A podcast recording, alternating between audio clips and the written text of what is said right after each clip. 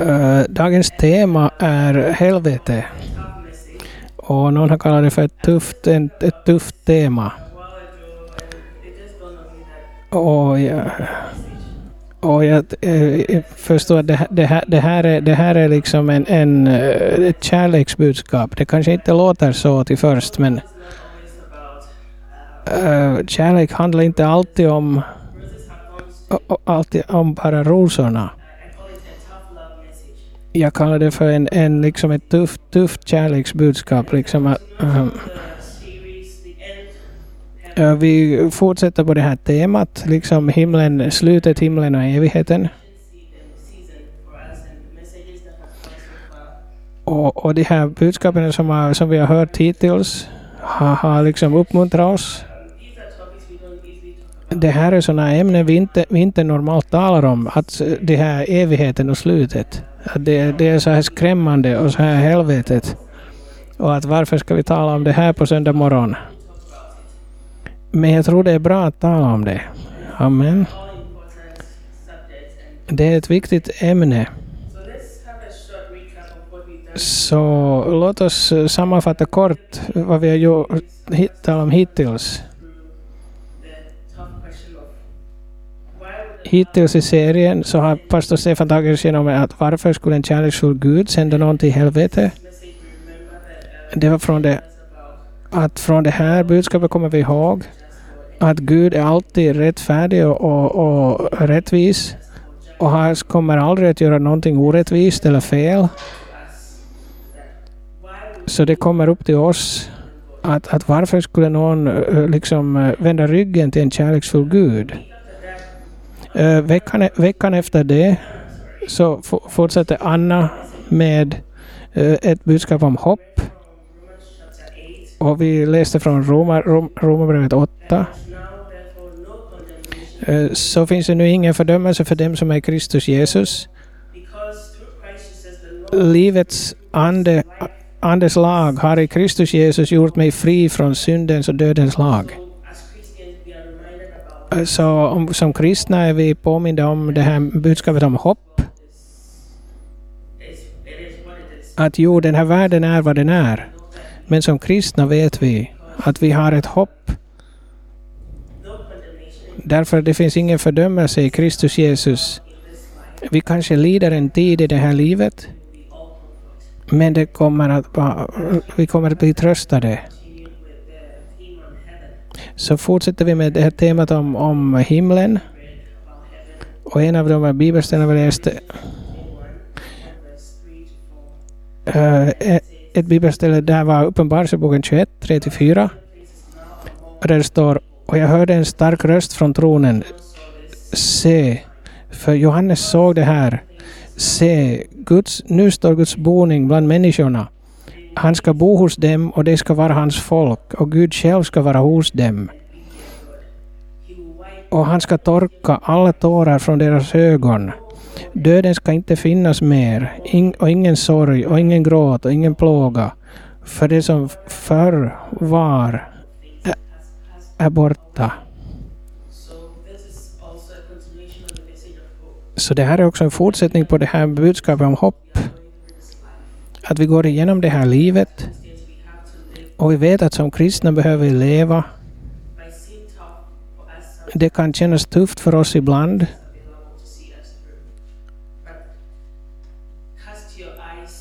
Men uh, se, se, uh, rikta din blick på, på Gud. Att, att i slutet av livet blir det, blir det bra. Och Gud själv ska vara med oss.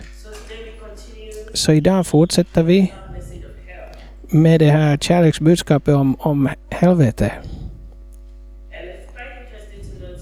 Och det är ganska intressant att veta att Bibeln tar om helvete 167 gånger. Jesus talade 33 gånger om helvete under, under hans tre år. Det är ganska... Vi vet att Jesus talade om, om äh, uh, räddningen. Men han talade också om helvetet. Men varför, varför skulle Jesus tala om helvetet? Var det för att skrämma oss eller lärjungarna? Varför talar han om helvetet så mycket? Som jag sa, det är ett kärleksbudskap. Och som en del av hans, hans eh, uppdrag så skulle han, han visa oss mot slutet. Och, och både på himlen och helvetet, och de är bo, båda verkliga. Och han, han älskar oss tillräckligt mycket för att, för att berätta åt oss om hur, hur hemskt helvetet är. Så att vi kan göra det beslutet, för han kan inte välja för oss. Amen.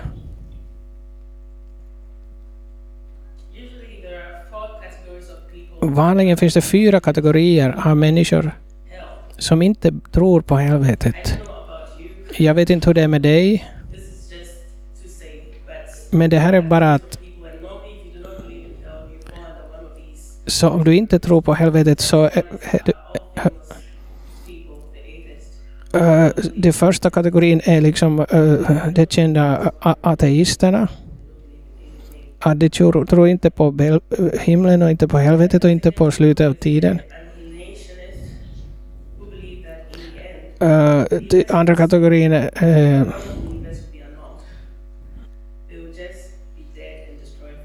att vi, vi alla liksom dö, döda liksom till slut.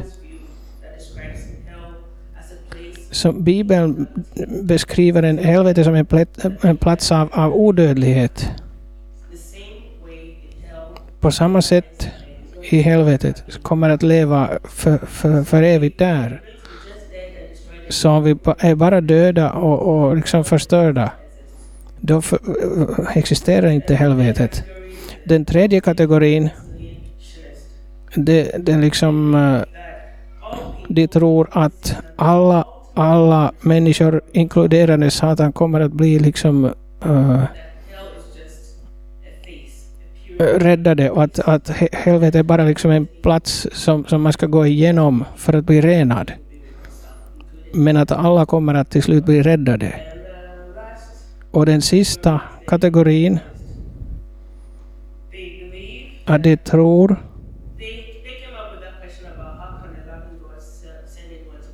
och, det, och, och med den här frågan att hur kan en, en älskande Gud sända någon till, till helvetet? Och de tror att alla far till himlen.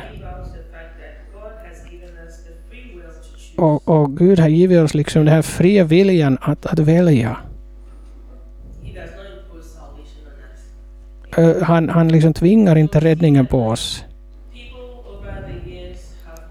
Så människor har, har gjort sin egen uppfattning under åren. Men det tar inte bort det som Bibeln säger.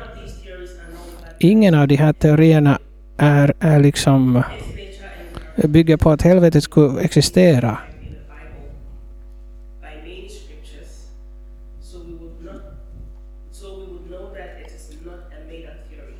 Eh, vi ska ta flera bibelställen så att vi vet att det inte är någonting påhittat. So no Att säga att det inte finns något helvete, det är samma som att säga att jag tror inte på Bibeln.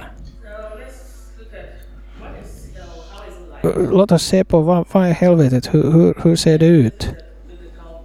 Och det här är en biblisk fråga. Så jag läser många bibelställen idag. Den första har vi redan eh, sett i den här serien, mm, i Matteus 25, 41. Eh, Matteus 25 och 41. Sedan ska han säga till dem som står på den vänstra sidan, gå bort från mig, ni förbannade, till den eviga elden som är beredd åt djävulen och hans änglar. Vi ser från det här bibelstället att helvetet var inte tillrätt åt oss. Att gå bort ifrån mig, ni förbannade, till den eviga elden som är beredd åt djävulen och hans änglar. Så helvetet var inte ämnat för oss. Det var ämnat för djävulen och hans änglar. Alltså änglarna som, som gjorde uppror mot Gud. Och vi ser från det här, det är st- ställe där det är en evig eld. Och för det andra så var det berett åt djävulen och hans änglar. Det, det är ett ställe liksom där man är bestraffad för uppror. Den som tar del av det här upproret kommer dit. Den som tar, gör upproret mot Gud. Han har givit oss livet och möjligheter. Han har givit oss tillräckligt. Och om hans budskap och vad han säger om det här platsen och om slutet. Så att vi kan göra det rätta beslutet. Men, men beslutet är vårt. Amen. Nu ska vi läsa ett längre bibelställe i Lukas 16, 19-31.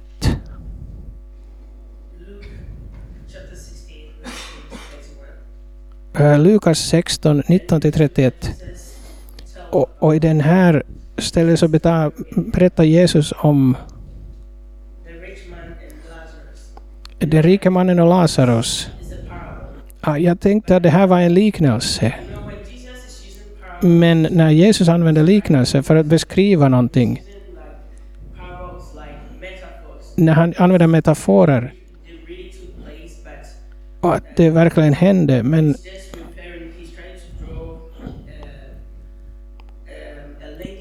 han försöker liksom eh, skapa en länk mellan, så börjar han vanligen att himmelriket är som. Han börjar vanligen på det sättet. Och, och, och på det sättet, men vi vet att den här historien är annorlunda. Det var en rik man. Så betyder det här verkligen hände. Det, det var en rik man som var klädd i purpur och fint linne och levde i fest och lyx varje dag. Men vid hans port låg en fattig man som hette La- Lazarus, full av sår. Han hade ett namn så att han ex- existerade. Han längtade efter att få äta sig mätt på det som föll från det rikes bord. Hundarna kom till och med och slickade hans sår. Så dog den fattige.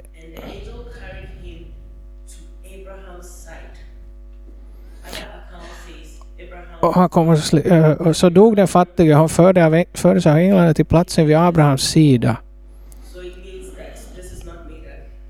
Så det betyder att det här är inte uppgjort. Även den rike dog och blev begravd. I, i, I helvetet där han plågades. Ett karaktäristik av, av, av helvetet. Lyfte han sin blick och fick se Abraham långt borta och Lazarus hos honom. Då ropade han, Fader Abraham, förbarma dig över mig och skicka Lazarus att doppa ett fingertopp i vatten och svalka min tunga, för jag plågas i den här elden. Men Abraham svarade, mitt barn, kom ihåg att du fick ut ditt goda medan du levde och Lazarus fick ut det onda. Nu får han tröst här medan du får plåga.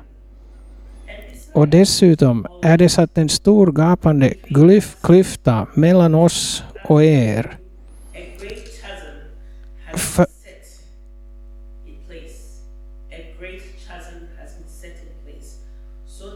för att de som vill gå över härifrån till er inte ska kunna det.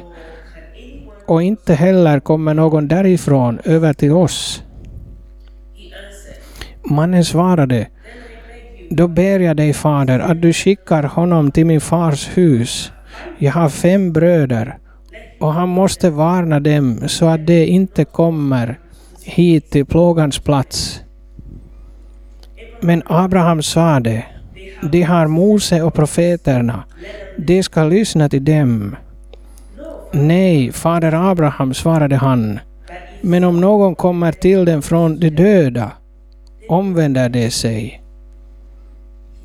Abraham sade till honom, lyssnar de inte till Mose och profeterna, så låter de sig inte övertygas ens om någon uppstår från de döda. Amen. Det här var ett ganska långt bibelställe. Till först visar det oss hur verklig den här berättelsen är. Så här, här sägs en rik man och, och en fattig man som heter Lazarus. Abraham, Abraham, som vi känner till att existerar, och Moses och, och profeterna. De är verkliga personer. Amen. Så det här är inte påhittat. Han, Jesus försökte inte liksom eh, berätta en liknelse här. Det, det andra, att Abraham sa det, att det finns en stor klyfta här mellan oss. Det är like, som en stor kanjon, en gapande klyfta, en stor ravin. Så det finns ingen möjlighet att fara över. Så när du en gång är i himlen kan du inte fara till helvete och när du är i helvete kan du inte fara över till himlen. Och inte kan någon i himlen hjälpa någon i helvetet.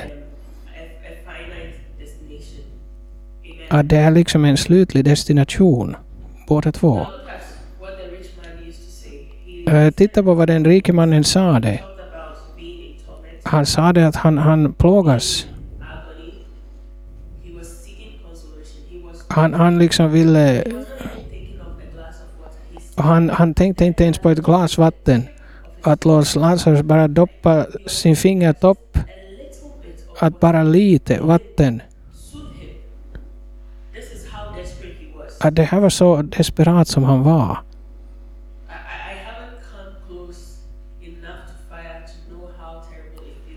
Jag har inte kommit tillräckligt nära för att veta hur det känns. Nå, någon gång när det är vädret är ganska varmt, så när vi kan eh, erfara eh, hetta, så kan jag tänka att hur, hur, hur, hur, liksom, eh, hur, hur hemskt är inte helvetet om vi inte kan stå ut med det här vanliga vädret. Jag vet inte hur hemskt det är. Och därför, därför eh, tillbringar Jesus en hel del tid med att beskriva det för oss. Så att vi inte tror att det är bara en sån grej som är påhittad. Du, du kommer inte att dö i helvetet.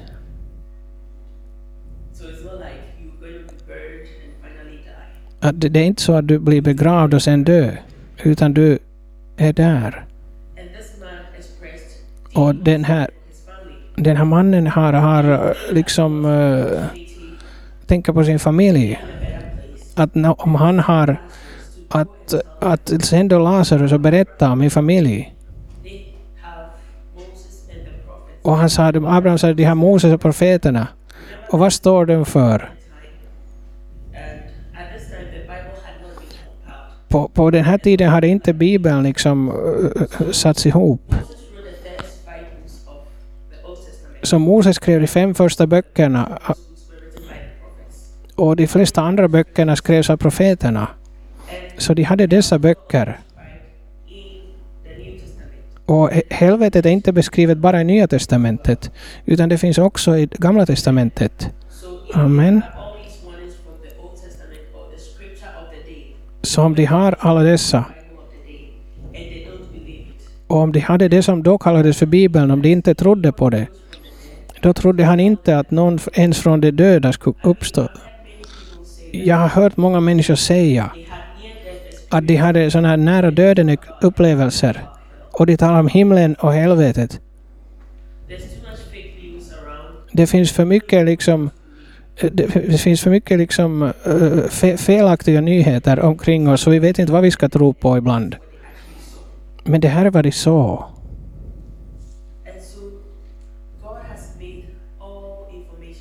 Så Gud har gjort all, in, all information tillgänglig för oss.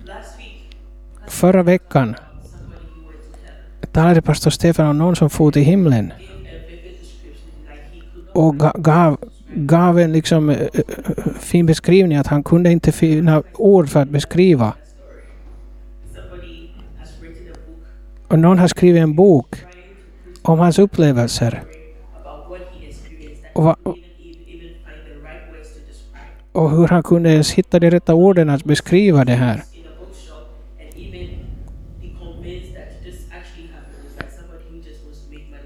Hur, hur många liksom tror, om ni ser bok, boken i det här i bokhandeln, och no, många, några kan tro men inte alla.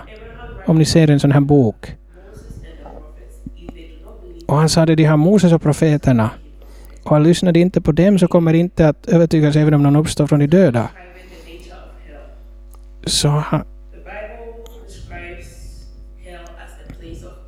darkness, äh, Bibeln beskriver helvetet som en mörk plats.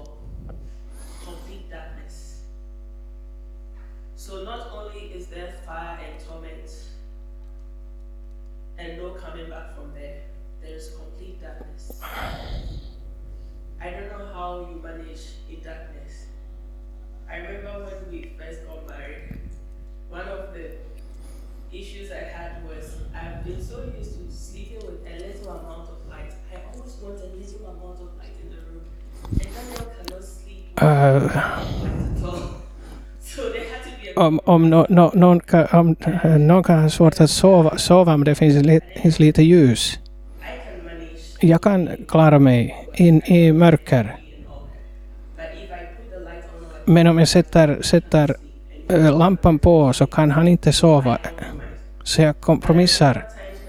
Men jag kommer ihåg när jag steg upp mitt i natten och jag kunde inte hitta, hitta min väg. Det var bara lite ljus. Ljuset hjälper oss att liksom hitta vår väg. När vi har vinter och mörker i Finland tar alla mörker. Och, och vi försöker eh, så försök föreställa dig en plats när det finns bara mörker.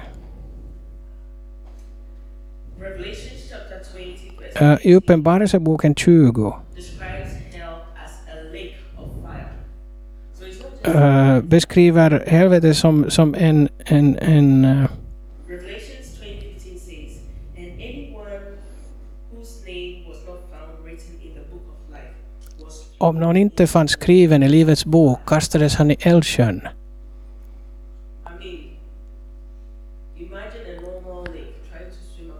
Uh, försök föreställa dig en vanlig, vanlig uh, sjö. Och det här är en, en sjö av eld. Jag beskriver inte liksom en, en, en eh, skräckfilm här. För vi behöver förstå att det är verkligt. Det har beskrivits i, i olika aspekter i Bibeln, så det är verkligt. Bibeln talar också om Bibeln som en plats där det inte finns någon vila. I Uppenbarelseboken 14, 11 står det röken från deras plåga stiger i evigheters evighet.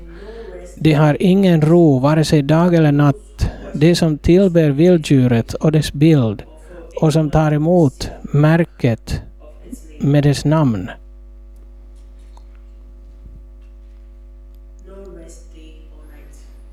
Ingen ro, vare sig dag eller natt. Kan du gå tre dagar utan att sova?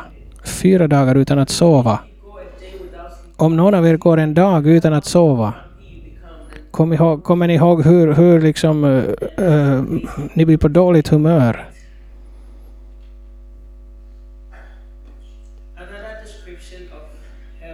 En annan beskrivning av, av helvetet som vi såg i, i Uppenbarelseboken, var att röken av deras plågor stiger i evigheters evighet.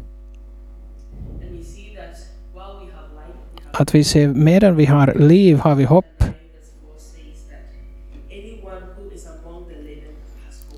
Eh, vem som än är eh, eh, bland de levande, den som är med i de levande skara har ett hopp. Oberoende av hur, hur besvärlig din situation må, är just nu, eller dina omständigheter må vara. Så länge det finns liv finns det hopp. Därför att vi tjänar en allsmäktig Gud som kan vända vår, vår, vårt öde omkring. Så i en, ett tillstånd av hopplöshet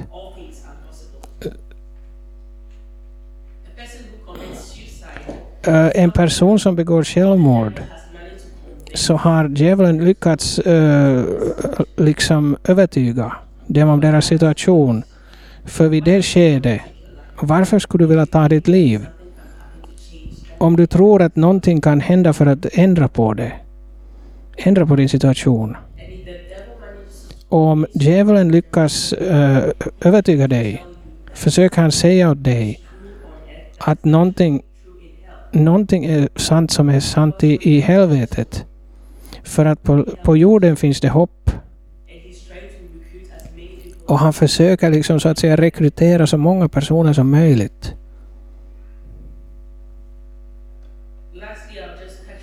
Uh, till sist ska jag ta upp lite om det här. Äh, Jesus beskrev helvetet för att låta människor veta hur hemskt den här platsen är. I, han använder metaforer. Han använder ordet Gehenna no, ett par gånger för att beskriva helvetet. Att helvetet är som Gehenna. And this, det här ordet Gehenna, det kan verka konstigt för oss idag, men det var ett ord som människor på den tiden förstod, verkligen förstod. Därför att Gehenna, Gehenna uh, fanns på deras tid. Det var, det var en dal. Det var en, en, en dal som var söder om Jerusalem. Och där fanns en eld som alltid brann. Det var alltid någonting som brann där.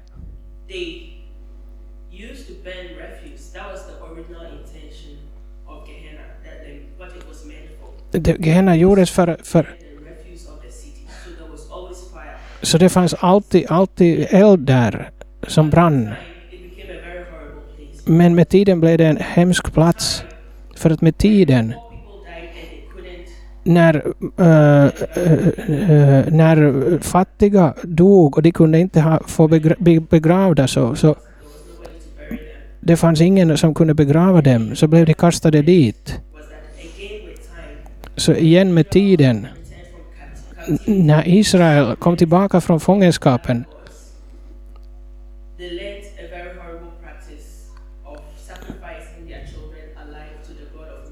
så, så äh, lärde de sig en hemsk tradition äh, att offra sina barn där i Gehenna av, av folket i Molek. Äh, alltså, det var levande. Det var en väldigt hemsk sak. Och Jesus kunde inte, kunde inte finna någon annan sätt att beskriva hur, hur hemskt helvetet är, utan han sa det, som Gehenna. I Matteus 29, så inte om din hand förleder dig, så hugg den av. Inte alltså bokstavligen, utan, utan stanna upp med att göra denna, liksom, eh, detta medvetna beslut. Det är bättre att gå in i livet stympad än att du har båda händerna kvar och hamnar i Gehenna, i elden som aldrig slocknar. Jesus sa det åt dem, att gör allt du kan, att gör det bästa du kan, att undvika den, den platsen. Uh, nu tillräckligt om, om, om det här hemska. Kanske vi nu behöver ta en, en stund och reflektera över vad, vad handlar det här om? Varför ger Jesus oss så liksom eh, eh, levande beskrivningar? Behöver vi veta det här? Varför, varför spenderade Jesus en, en hel del tid med att tala om helvetet? Det var därför för att helvetet är verkligt. Och för det andra, att man kan undvika hel, helvetet. Han spenderade inte sin livstid genom att tala om helvetet. Men, men ibland, nu som då, talade han en, en stund om det. Inte, inte vad, vad som väntar dig om du, om du liksom... Eh, och han kom för att liksom visa vägen till räddning.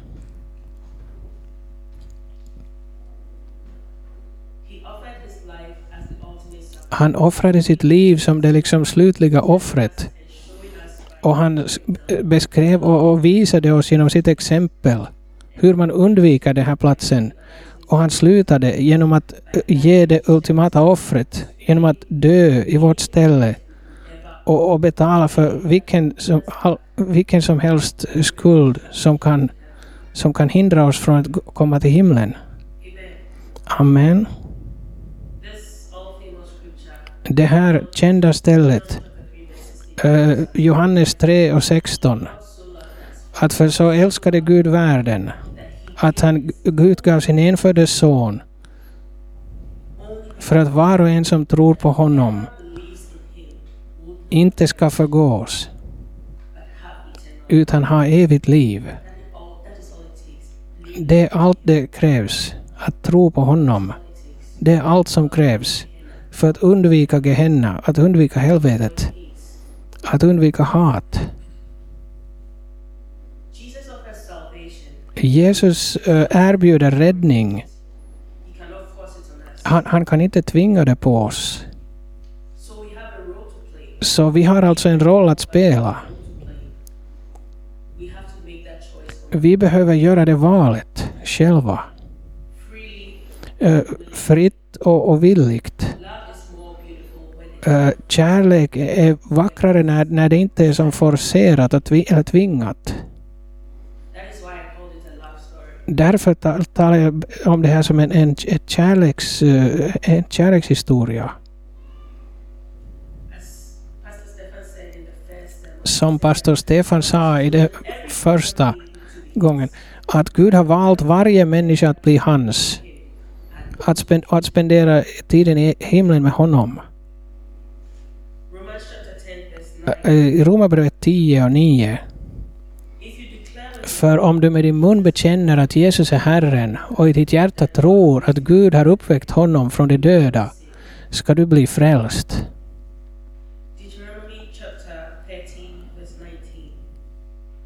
I femte Moseboken 30 och 19. Jag, ha, jag tar idag himmel och jord till vittne mot er att jag har förelagt dig liv och död, välsignelse och förbannelse.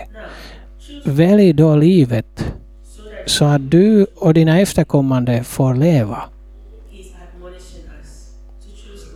Han alltså vädjar till oss att välja livet. Och när vi väljer Jesus så ger han oss, oss uh, nåd. Det är inte något vi, något vi behöver göra själva. Det handlar inte om vår rättfärdighet. Utan han ger oss sin rättfärdighet. Att vandra det här livet här på jorden. Uh, I första Samuelsboken 2.9. Sina frommas fötter bevarar han, men de ogudaktiga tystas i mörkret. För av egen kraft är ingen stark. Vi kan inte göra det här i egen kraft. Först så för, av alltså är räddningen den är gratis. För det andra så är hans nåd tillräcklig för oss.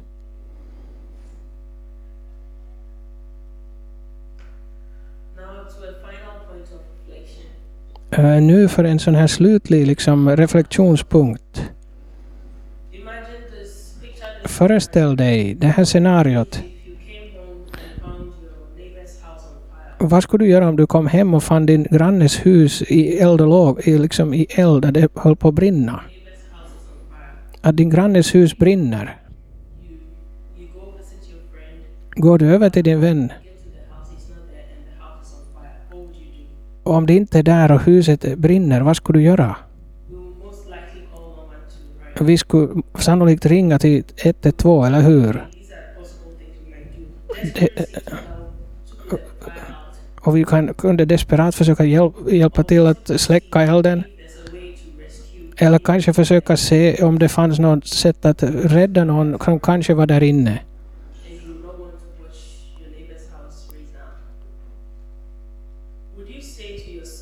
Skulle du säga till dig själv att att om du fann eh, att nå, kanske någon berättar åt honom. Skulle du säga så?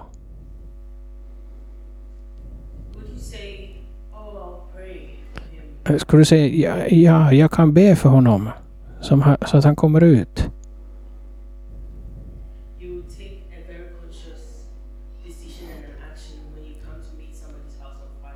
Du tar ett väldigt liksom medvetet beslut om du möter någons hus i lågor.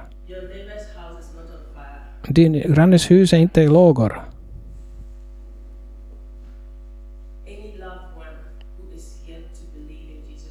Eh, ve- vem som helst eh, eh, nä- nära kär. Om, om du väntade liksom eh, i helvetet, vad, vad skulle du göra? Vad kan du göra åt det?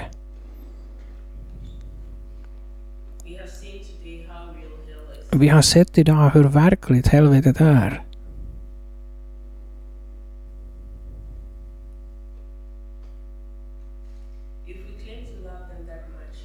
Om vi, om vi påstår att vi älskar dem så mycket, våra nära och kära, kan vi, kan vi inte hålla tillbaka den här viktiga sanningen från dem. Jag, jag tror inte att det här är någon bekväm eh, liksom, äh, uppgift för mig. Jag vet inte hur ni känner om mig just nu. Jag kom bara för att läsa de här, de här äh, bibelställena. Det, det här är inte ett bekvämt ämne att tala om. Och många verkar tro, tro att de har rätt. Vi tycker om att, att sköta våra egna saker så att säga.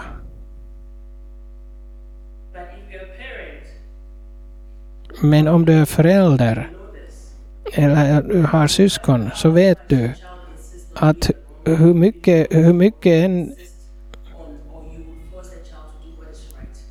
Äh, om ditt barn gör det som någonting som är fel, om du ser din bror eller syster gå till någonting som är farligt, Och,